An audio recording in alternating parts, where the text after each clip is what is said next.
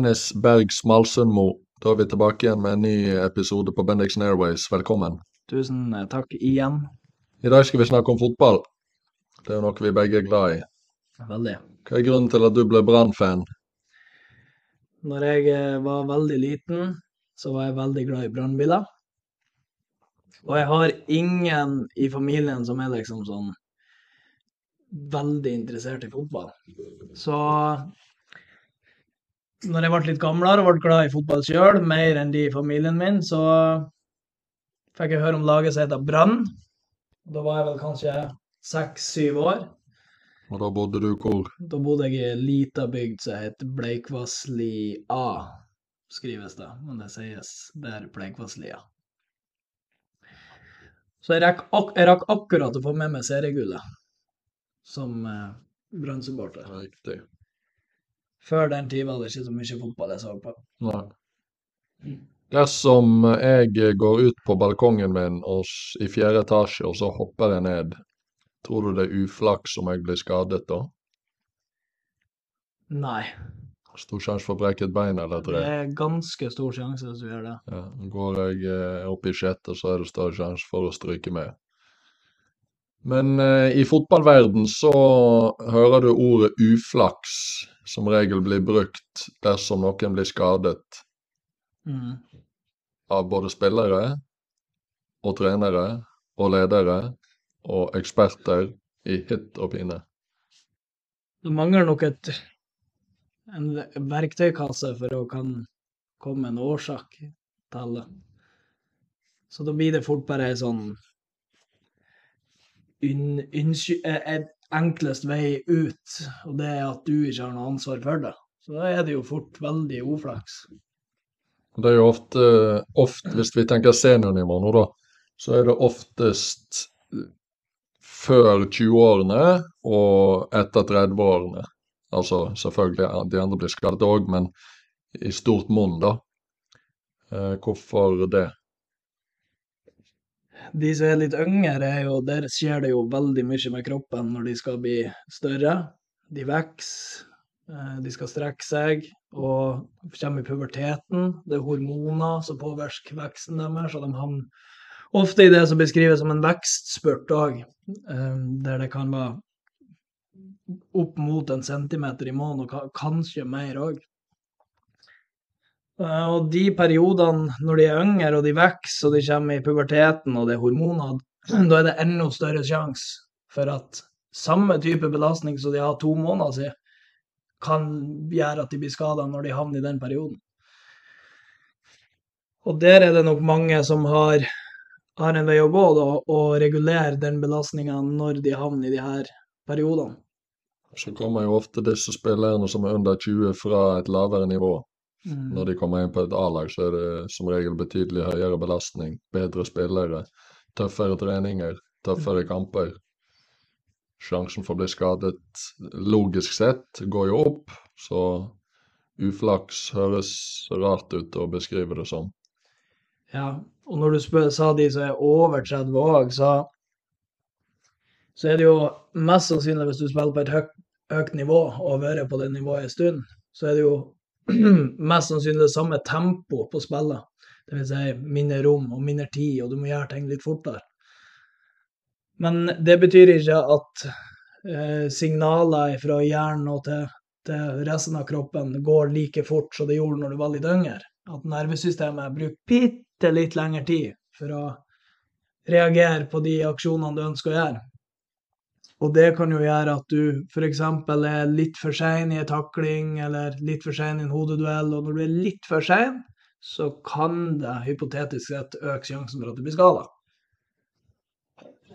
Så er det bare også sånn at når du, i hvert fall når du nærmer deg midten av 30-årene, så er kroppen i forfall, og den tåler ikke like mye. Det tar lengre tid å komme seg etter trening, etter kamp. Eh, og det du, det du ofte ser, er jo at enten du er 17 eller du er 37, eller du er midt i 20-årene, så gjør alle det samme. Mm. Alle er med på de fem aktivitetene eller seks aktivitetene i uken. Alle spiller like mye eller like lite på, på en økt. Så opplevelsen sånn totalt sett, uten at jeg har detaljert kunnskap om hva som gjøres rundt omkring i alle klubber, det er at uh, det ikke tas hensyn til dette. Det er litt sånn som skolesystemet. Alle under ei og samme bok. Ja. Og det er jo Kan jo være de foreldrene og trenerne som syns det er litt dumt, men der står de sjøl og kanskje ikke regulere belastninga individuelt til de spillerne de har ansvaret for. Og det er jo litt, litt motstridende til det de kan ikke si. Ja, så løsningen her er jo belastningsstyring, periodisering av belastning, eh, der alder er en vesentlig faktor. Eh, vekst, som du nevnte. Eh, tidligere skader, slitasje. Um, hospitering. Hospitering. Når du er yngre. Eller at du bytter klubb til en bedre klubb når du er gamlere. Ja. Du rykker opp, rykker mm. ned. Som alt påvirker tempoet du gjør ting i. Og det er ikke sånn at når du skrur opp farta på tredemølla, at det akkurat blir mindre belastning da. Eller hopper fra en etasje høyere. Ja, det blir ikke mindre vondt da når du lander. Nei. Kommer an på om det lager gress eller betong. Ja, det er klart det spiller inn. Eller kunstgress. Med kork. Riktig. Så det spiller inn. Det, det jeg tenkte litt på egentlig før jeg tar det punktet, var jo det at litt det jeg ønsker med denne episoden, er jo at det kommer en del gode tanker til de som hører på. For uh, halve jobben til en fotballtrener er jo å faktisk reflektere før, under og etter de tingene du gjør. Uh, for å kan bli en bedre versjon av deg sjøl, og selvfølgelig legge bedre til rette for spillerne du har ansvar for. Uh, og det, det jeg har, har, tenkt litt på i forkant av denne episoden, her, er jo det mange betegner som oppvarming. da. Og det er fint å starte med det litt tidlig i episoden, når det er ofte en start på trening òg. Og det er mange Du vet hva John Barnes gjorde på slutten av sin karriere som oppvarming? Nei. Han lå i eh, badekaret. og så gikk han ut og spilte. Ja, og så kan du bruke badstue òg. Det òg. Det kan godt hende han gjorde det når uh, Brann spilte mot Liverpool i kvartfinalen i cupvinnercupen i, i 97. Da var han nok i badstua i forkant. Ja, spørs det. Ja. Det behøver jo ikke være den beste løsninga den dag i dag. 25 Men deilig. år etter. Ja, det kan være kjempegodt. Ja. I hvert fall det bassenget. Det høres veldig bra ut. Men eh, det er mange betegn som oppvarming å, gjøre kroppen, kroppen, klar til å kan ta store leddutslag og og, og tøle den påkjenninga som fotball har. Men det mange glemmer litt bort i den prosessen, er jo at de leddutslagene er jo i fotball etterpå. Kontekst. Ja. Mens når du får å hoppe over noe kjegle, eller slår hjul, eller hva i all verden du finner på, så er det jo først og fremst det du forbereder deg til. Så, så betegnelsen av oppvarming skaper nok en illusjon bare med å bruke det ordet, som gjør at det ikke blir de beste forberedelsene til større leddutslag, lengre spurter, flere retningsforandringer, som fotballen har. Sånn som jeg har gjort det, Eh, så du ønsker jo selvfølgelig ikke å ha de her spurtene, retningsforandringene og største leddutslagene helt i starten, når du kommer fra en iskald garderobe, uavhengig av hvor gammel du er. Men det går an å gjøre justeringer som gjør at det blir mindre av det, men du spiller fotball. Så at du gradvis i starten spiller fotball, men nærm deg det maksimale du skal yte ut ifra hva slags fotballtrening du har. Så du varmer opp til å spille fotball? Ja. Du Med fotball? Absolutt. Du spiller fotball ifra start, og spiller fotball hele økta. Er det unntak? Ja, det, det, kan jo Det første unntaket jeg tenker på, er jo La oss si du er en ny trener og tar over en, en, en, en ny gruppe. Og de har gjort ting i massevis av år. Hvis du da skal komme inn og endre totalt på det du har gjort de første 20-30 minuttene, uansett hvem det er du har, så kan det skape mer, og mer, mer tenking og mer tvil enn det du kanskje ønsker. Så det, det er den første tingen jeg tenker på, der det er unntak. Og så, med tanke på individuell uh, belastningsstyring, så kan det jo være noen som må ha en litt lengre prosess før de går inn i fotball, der det er litt, litt større tempo, litt større flater du spiller på. Og da kan det hende du må gjøre justeringer. Og så er det jo litt, litt med tanke på med tanke på alder òg. Og uh, med tanke på alder så kan det jo være forskjellige perioder der f.eks. de yngste de trenger jo kanskje ikke i det hele tatt å ha noe oppvarming. Så den kan du jo stryke allerede der. Deres mm. kropp er jo laga for å klatre i treet og dette ned ti ganger uten å få vondt. Så du vil ikke ha ti minutter der de er på to rekker og løper frem og tilbake og gjør diverse ting? Når de er yngre, så Du kan si at jeg ikke vil det, men det er jo ikke nødvendig. Hvorfor ikke spille fotball, da? Men er det nødvendig når du er på et A-lag i Liverpool, heller? Nei, det er ikke nødvendig der heller. Men det kan hende du må gjøre gjøre det gradvis og ta, komme inn i det mønsteret og gjøre det. Og ikke bare gå rett ifra A til B. Hva med dynamisk bevegelighet? Dynamisk bevegelighet, tenkte du litt på da, type dynamisk tøying, som man kaller det? Det er jo ikke i Den enkleste måten å få gjort det, er jo ikke direkte i fotballkonteksten. Det kan jo være fornuftig å sette av 45 sekunder til å få gjort det. Eh, og det vil jo skje da i kontrollerte omgivelser. At du får de der leddutslagene kanskje rett frem og rett bak og litt ut til sida. Uten at noen prøver å dytte på deg samtidig, f.eks.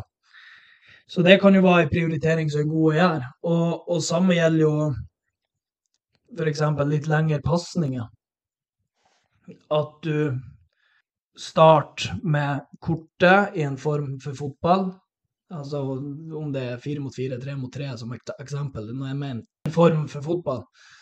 Men etter hvert, når du begynner å komme litt lenger ut i det her oppvarminga som vi beskriver nå, at du kan ha litt lengre pasninger, men det kan være òg i kontrollerte omgivelser. Og å definere det som pasninger blir jo ikke rett når ingen prøver å ta ballen ifra deg, men iallfall at du sparker ballen litt hardere, litt lenger, før du begynner å spille fotball på litt større flate, der det skjer av og til.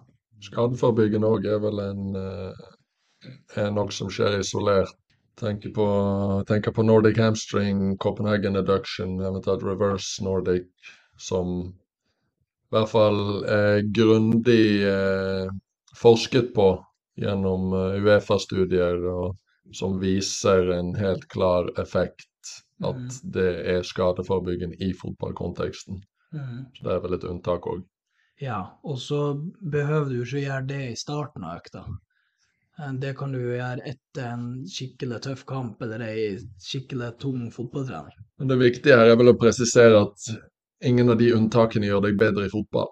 Nei du, som trener så jo, må du jo lete det du greier etter områder for å bli bedre i fotball og få laget til å prestere bedre eller utvikle seg i størst mulig grad på de få minuttene du er sammen med.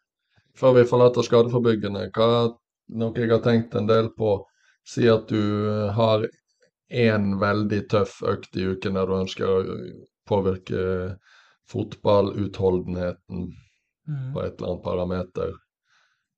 Eh, hva tenker du da om den skadeforebyggende delen? Si at fotballutholdenheten denne uken skal utvikles i fire mot fire-spill på liten bane. Mm. Burde da den skadeforebyggende delen si at du skal kjøre Nordic hamstring f.eks.? Bør da f.eks. Nordic hamstring være seks serier ganger tre reps, som et Nå bare kaster jeg ut et eksempel. Mens hvis det er 11 mot 11 som er fotballfitness Eh, denne uken, bør den da f.eks. ha eh, to serier på ti reps. Skjønner du hvor jeg vil hen? Mm -hmm. Sånn at det samsvarer med fotballdelen. Mm. Ja. Det er mm, veldig interessant å diskutere akkurat det, for for det, med tanke på det du sier, at det er forska på og på en måte bevist at det er direkte overførbart til fotballkonteksten, så vi som holder på med det her, driver jo og justerer hvor mye vi spiller, f.eks. 4 mot 4 eller 11 mot 11, og går fra én skala til en annen. Uh, med tanke på hva vi ønsker å påvirke, sånn som du beskriver. Og, og det å tilpasse antall repetisjoner, antall serier på det, vil jo gjøre at du bedre treffer det du ønsker å påvirke, hvis du er såpass reflektert at du greier å finne ut hva slags antall som er best ut ifra hva, hva, du gjør på den treninga. I hvert fall det som er hypotesen. Mm. Ja, det er veldig interessant. Og det skal jeg være ærlig og si, det har jeg ikke tenkt så mye på. Nei. Akkurat den biten. Fysisk trening. Ja, det skrev du. ja. Hva du tenker det om det? Det blir en ofte spurt om ja. Eh, senest forrige uke så var det Vi hadde møte med en spiller, en pappa, og så for, forklarte jeg hva vi skulle ha på treningen. Og så sier han eh, etter eh, jeg er ferdig på at ja, så skal dere løpe intervaller på slutten, da? Hmm. Spørsmålstegn. Ok. Ja. Ja. Nei, det har ikke vi tenkt til, sa jeg. Vi løper intervaller når vi spiller. Ja. Ja, ja. Men eh, jeg så jo senest en, eh, en idrettslinjeøkt her eh, på ja, tidligere i uken. Der jeg så de avsluttet eh, med å sprinte fra midtbanen til 16-meteren gjentatte ganger. Mm. Hvorfor tror du de gjør det?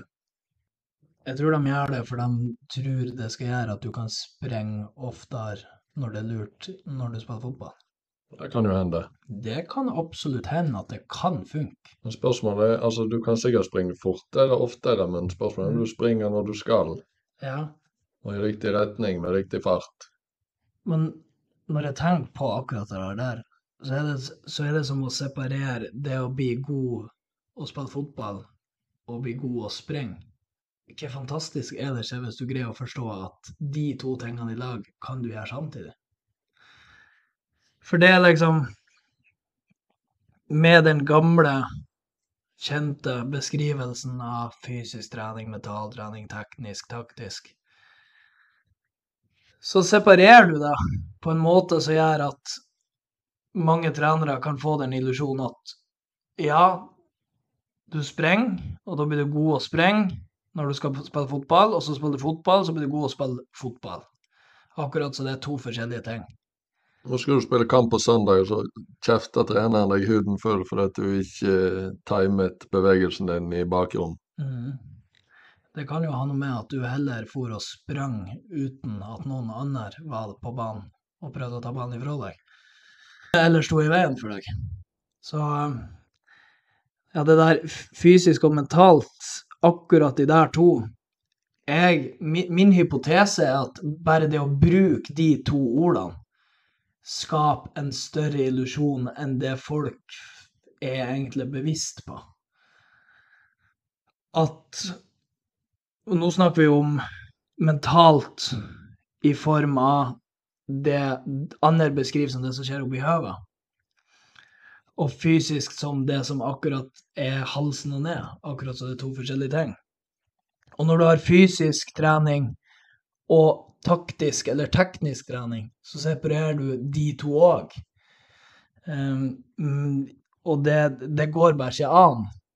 Det går an. Ja, det, det gjøres hele tiden. Det, det, er sant. Det går veldig an. Men, men det som òg går an, er jo å sette det i lag. Ja.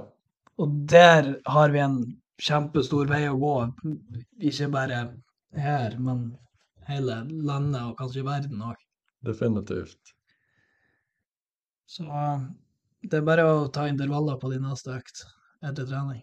Det er jo egentlig bare å stå på sidelinjen eller på en kamp, eller se på en kamp på TV Altså spesielt på høyt nivå, da hvis du er nærme sånn at du får måte, oppleve hvor fort ting egentlig går. Mm. Hvis du står og ser på det i 30 sekunder, så bør du få tanke om at fytti, hvis vi skal bli flinkere til å beherske det helt hinsides tempoet her, med uten ball, eh, forsvar angrep, så må jo vi nesten lage øvelser på trening som utfordrer nettopp dette. Mm.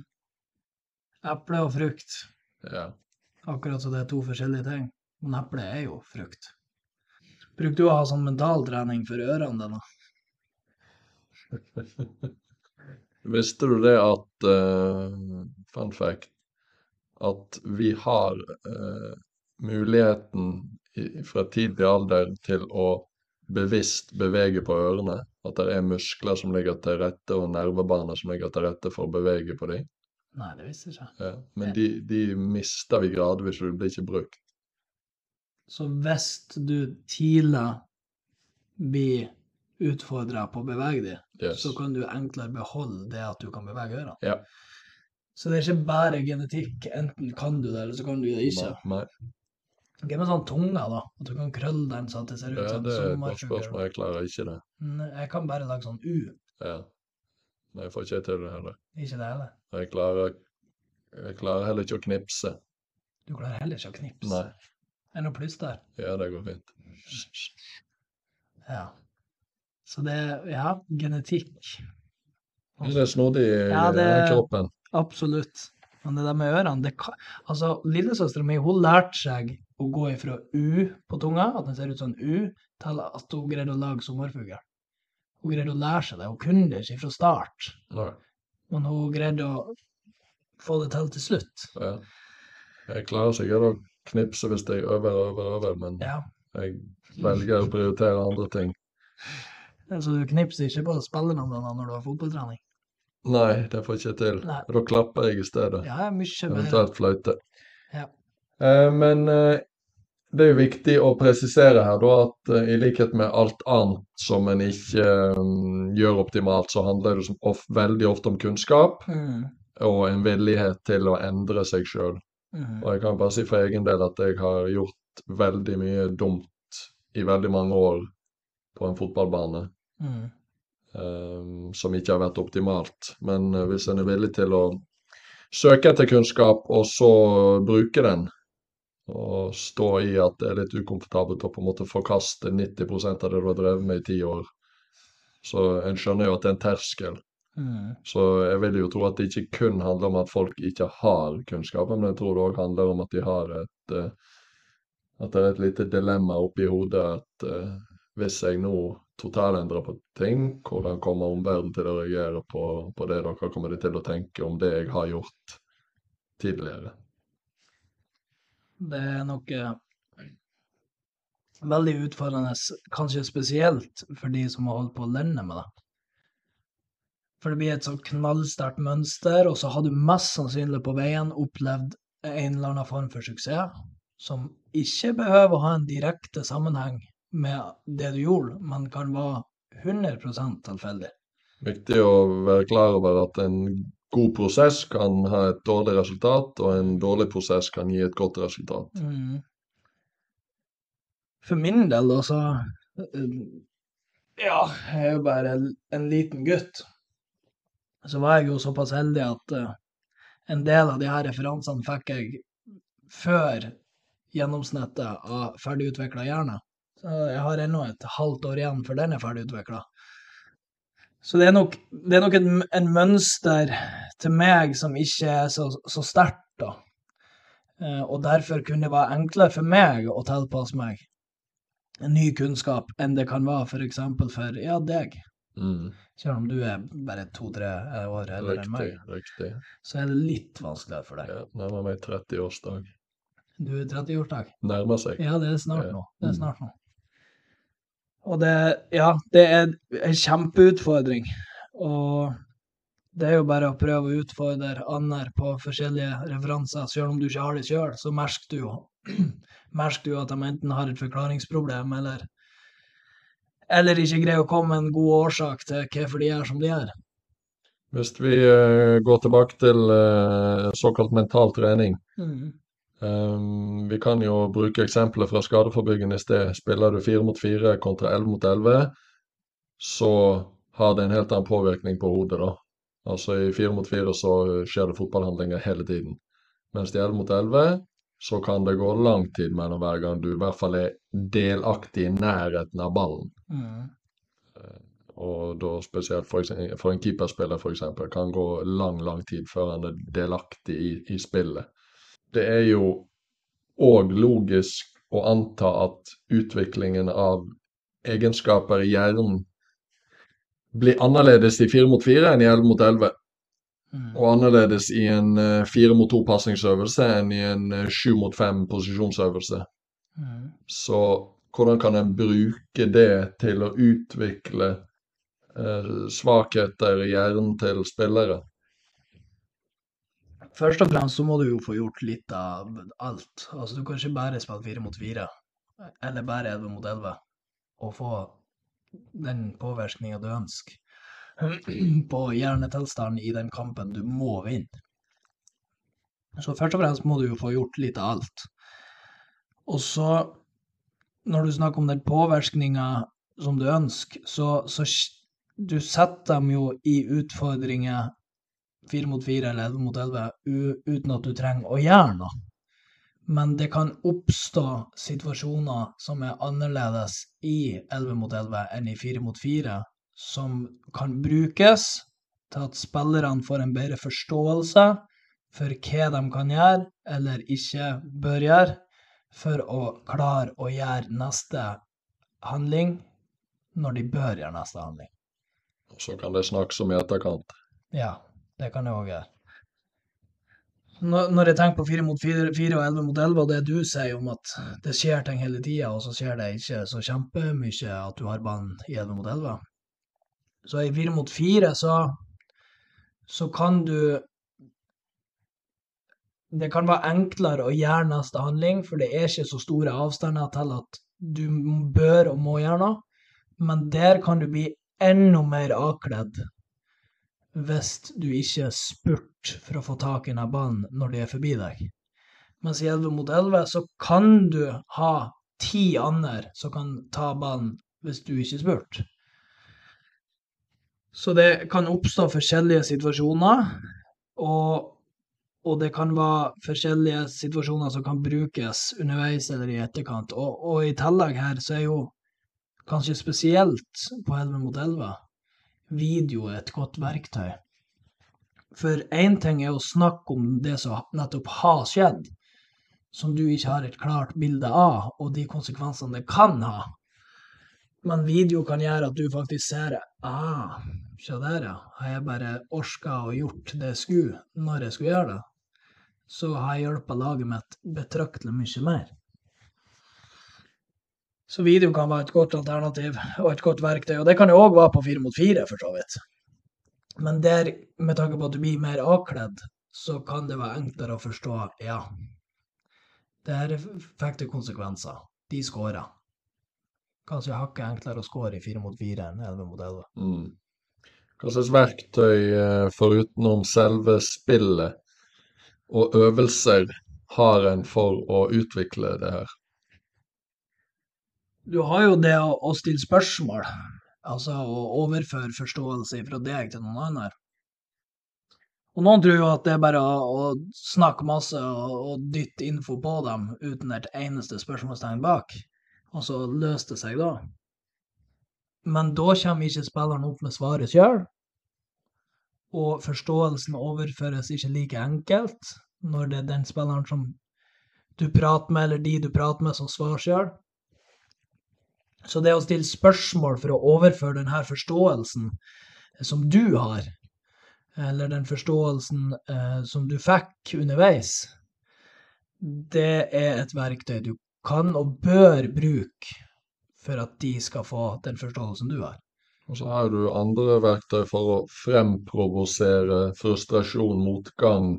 Altså det er jo som regel under frustrasjon og motgang at, no, altså som gjør at spillerne begynner å tenke på mye. Tenke konsekvenser, tenke på ting som ikke har noe med det de skal gjøre. Mm.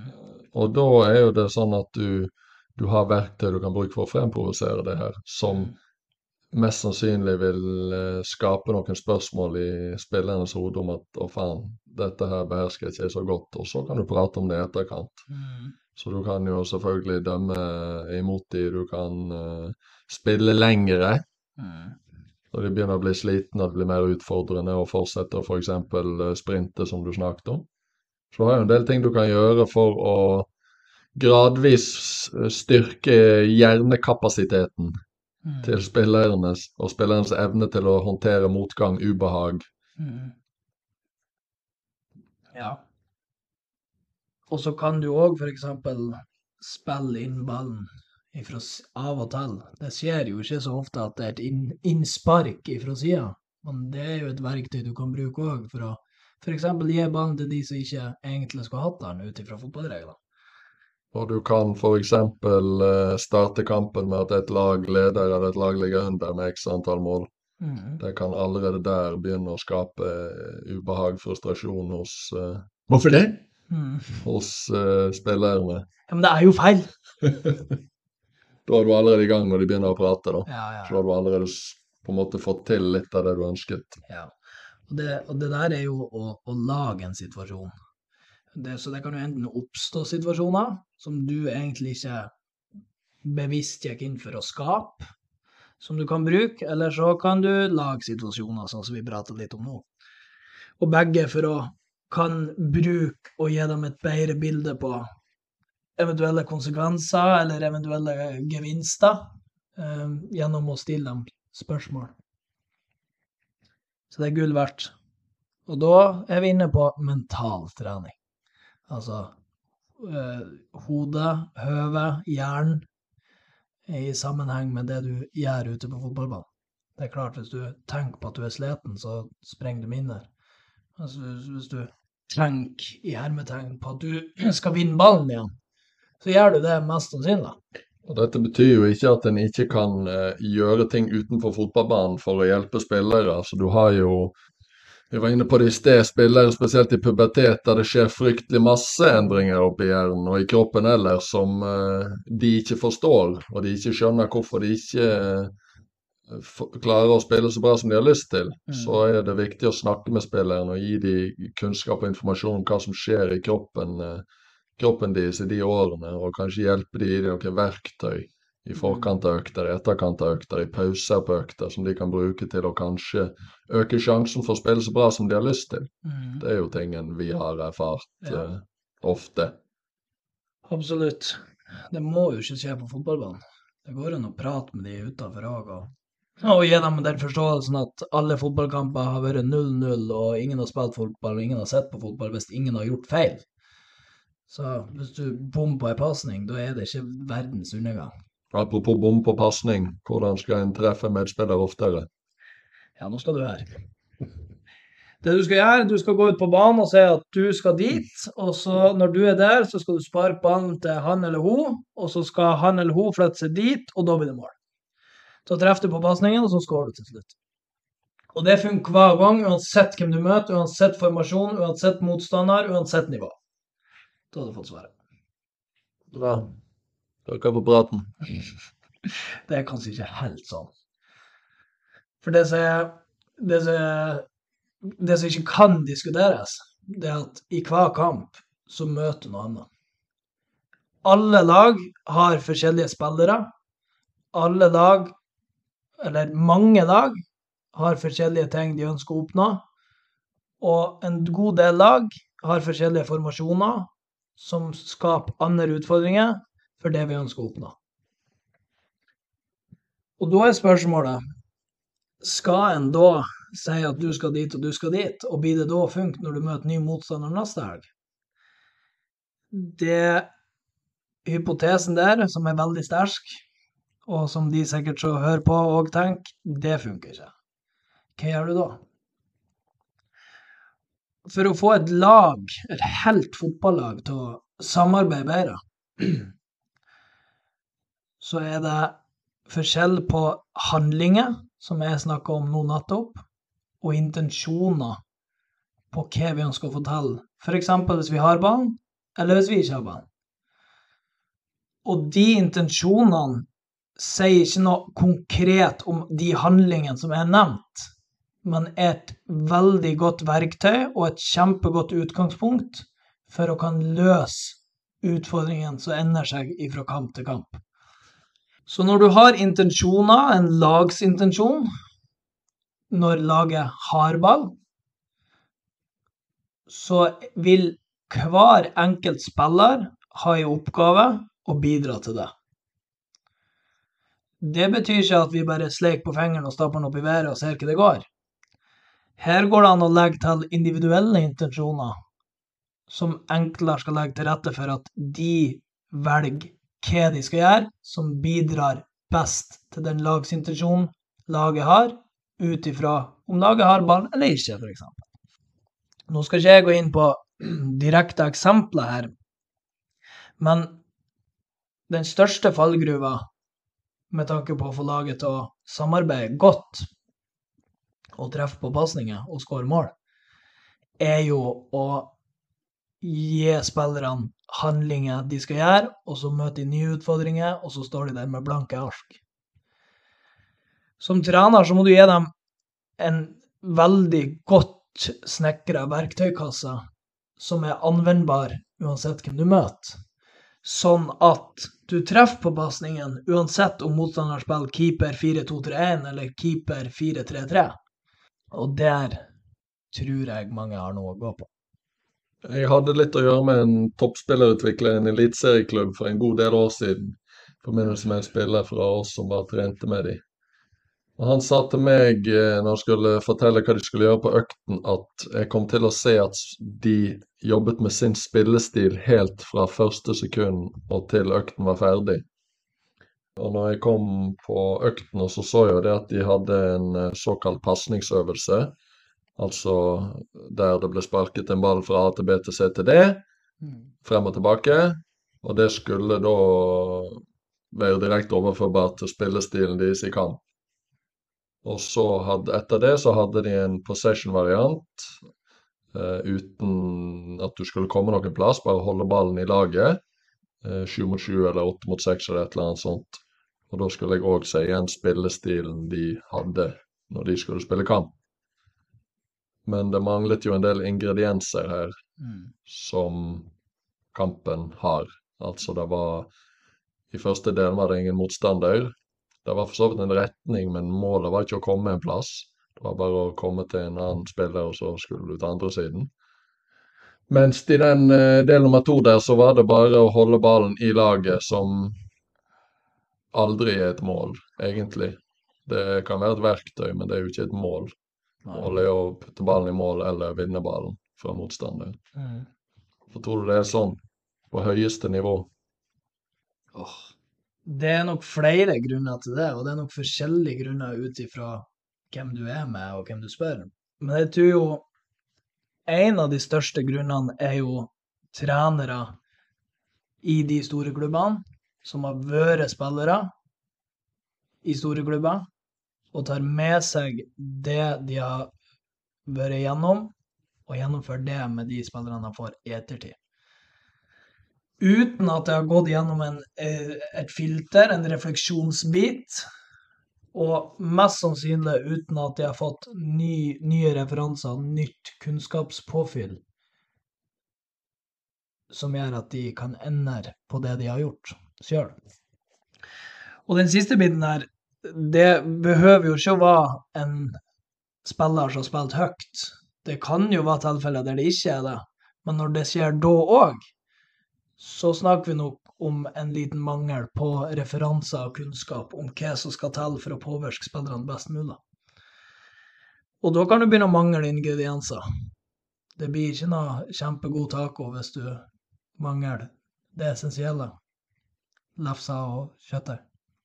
Har dere flere punkter? Ja, jeg har to til. Det ene er ikke så stort, så det kan jeg ta først. og det Jeg regner med du òg har møtt folk som har spurt om de, du ikke har en sånn øvelse. Hva du bruker å svare dem som spør deg da, om du ikke har en sånn øvelse? Har du noen øvelse? Nei, jeg gjør ikke øvelser. Nei. Ja, jeg har øvelser, Ja. men uh, de pleier som regel å bli designet ut fra hva jeg har sett over litt tid, som enten vi ønsker å bli enda flinkere på, og som vi behersker på en god måte, eller eh, noe vi ikke er så flinke på. Eh, kort fortalt. Så det du sier, er at du tilpasser øvelsene ut ifra det laget skal få til, og de spillerne du har. Det er det jeg sier. Du tilpasser til kontekst. Ja. Ja. Så det er, jo, det er jo på en måte det jeg Så godt jeg kan. Ja. Det jeg, eh, det jeg bruker å legge til det du sier, er jo å Avhengig av hvem jeg snakker med òg, da, så bruker jeg å gi dem ei handleliste med de fire viktigste ingrediensene for at det skal bli fotball. Og så gir jeg dem ikke mer. Da er det dem som må finne ut hva som er best ut ifra hva slags spillere du har, hvem du har tilgjengelig, de eksterne faktorene med baneplass, mål tilgjengelig. Men hvis du har noen grunningredienser der, så, og du er litt reflektert og blir litt kjent med spillerne, så skal det være mulig å finne på noe som kan passe kontekst, hvis du tenker litt nøye igjennom det. Ja. Men når du har de her spillerne, så er det jo mest sannsynlig noen som sliter med noe. Og det eneste vi vet på forhånd, det er jo det, det vi ser. Det eneste vi vet, er det vi ser. Ut ifra det så kan vi ha hypoteser, men egentlig i bunn og grunn så er det bedre å ta utgangspunkt i at du ikke har peiling. Hva gjør en da når en skal løse problemet? Enten det kan være et lag, det kan være en enkeltspiller, det kan være to eller tre som har et, ei utfordring. Og det jeg må bli mye flinkere på som fotballtrener, det er jo å gå mer i dybden med de spillerne eller den spillerne for å finne de løsningene på problemene. Og hvis jeg skal gå litt i detaljer her, så gjelder jo å konstruere omvendt det som skjer på fotballbanen hele tida, altså fotballaksjoner. Reverse engineering. Yes! Ikke av en ufo nå, men Nei, ikke en ufo nå. fotballhandling. Ja. Ja. Så jeg prøvde å fornorske det litt. Omvendt konstruksjon. Og vi ser jo bare utførelsen av valgene de tar. Men vi vet jo ikke hva slags informasjon de har tatt til grunne for å ta de valgene de gjør, som til slutt kommer ut av trakta som utførelsen. Og når du ikke vet, så spør du. Da må du spørre til du finner ut hva denne utfordringa ligger. Og i fotball så får du info, du sender info, og så, ut ifra det, så kommer det et valg etter hvert. Du velger hva du skal gjøre, du velger hvordan du skal gjøre det, og til slutt så utfører du det. Men når du skal finne ut hva hen problemet ligger, ut ifra det jeg nettopp sa, så starter du med å beskrive og forklare den utførelsen de har hatt. Og så kan du jo finne ut derifra om den utførelsen som faktisk skjedde, var den utførelsen de ønska. For de kan velge hvordan de skal slå en pasning, men det behøver ikke å bli akkurat sånn som du la til rette for. Eller så var det spot on, og så kan du spørre hva de, hva, de, hva de valgte å gjøre. Om det var å spille ballen i bakrom eller mellomrom, eller hva de valgte å gjøre med den pasninga. Og så kan det hende at den havna i mellomrom når den egentlig skulle havne i bakrom. Eller Så da er vi jo litt på utbredelse igjen, men at den ikke, med tanke på hvordan det så ut, så kan det hende at mellomrommet har vært det beste å slå pasninga til, og ikke bakrom, hvis det er null bakrom. Eller så kan det være enda høyere opp, at det er på kommunikasjon det er en utfordring. At uh, den som gikk i bakrom, ikke skulle ha gått i bakrom, og at det derfor skaper en miskommunikasjon mellom han som skulle ha fått ballen, eller fikk ballen, og han som sparka ballen til han spilleren. Så det var litt, litt dypt, akkurat det. Men akkurat det her, det må jeg bli mye flinkere på. Tenk hvor mange tilbakemeldinger underveis i trening og kamp eh, rundt omkring på ulike fotballbaner som gis på falske premisser. Mm. Det er ikke få. Det er utrolig mange. Og det er veldig gøy når en sjøl gjør det, og så blir en umiddelbart arrestert fordi at Ja, men jeg mente ikke å gjøre det. Nei. Da er du sjakkmatt. Da er du sjakkmatt. For det treneren har ikke peiling. Nei. Det som kanskje er enklest å ha hypoteser om, det er jo hva de velger å gjøre. Altså enten, enten så prøver de å drible seg forbi en motstander, eller så slår de en pasning, eller så fører de. Og det kan være enklere for treneren å ha hypoteser om. Og det kan nok være Akkurat det kan nok være litt av grunnen til at trenere kommer med tilbakemeldinger. For det det er noe som er litt enklere å ha hypoteser om enn bare utførelsen. Men desto viktigere og enklere for en trener er det dersom du har veldig klare intensjoner om hva du skal få til, mm. og at det gjennomsyrer alt du gjør på økten. Mm. Og ikke minst at du kjenner spillerne dine godt, så øker det sjansen for at du kan være presis i tilbakemeldingene. For det er sjansen for at du vet hva valget var, går betydelig opp dersom de ingrediensene er med. Mm. Absolutt. Det er viktig å nevne. Så det ikke blir bare mm, kjempestor lapskaus av tilbakemeldinger og ikke en plan for hva en skal oppnå. Ja. Da tror jeg ikke jeg har mer. Nei, men nå har jeg en ting å avrunde med. Oi. Og det er jo at uh, alle de tusenvis av lytterne som hører på det her, de jeg er helt sikker på en god del av de bare uh, fnyser og sier at ja, dette er bare Ferheien uh, Dette er som å høre på Ferheien. Og det er jo helt riktig at det er han som har først og fremst brakt det her til bordet på en systematisk, objektiv måte. Men dette her er jo logisk og rasjonelt. Det er jo spesificitetsprinsippet, mm. enkelt og greit. Det har ikke noe med én bestemt fyr som folk har eh, emosjonelle uh, assosiasjoner med. Dette her er jo logisk og rasjonelt, og jeg vil jo anta at det her vil gjelde i de aller, aller fleste idretter. Mm. Jeg husker jeg spurte Kjetil André Aamodt i episoden om det var mulig, om han trodde det var mulig å bli verdens beste alpinist uten å trene styrke. Mm. Det var ganske klokkeklar på at det er helt umulig, fordi at du er nødt til å motstå noen, motstå noen helt vanvittige krefter som du ikke vil klare kun ved å kjøre på ski. Og jeg kan jo ikke, jeg vet jo ikke.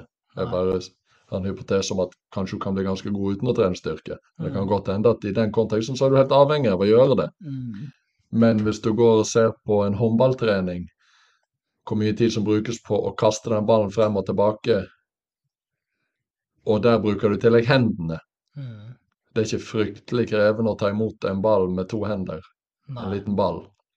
Så jeg har jo en sterk hypotese om at i de fleste idretter i hvert fall lags, lagidretter, så kan treningen brukes fryktelig mye mer eh, produktivt, effektivt. Absolutt. Uavhengig av hvem som har sagt det. Takk for praten. Hei da. Tusen takk for at du hørte på Bendixen Airways. Dersom du har tips, kommentarer eller vil gi en vurdering av episoden, så gjør gjerne det. Det setter jeg stor pris på.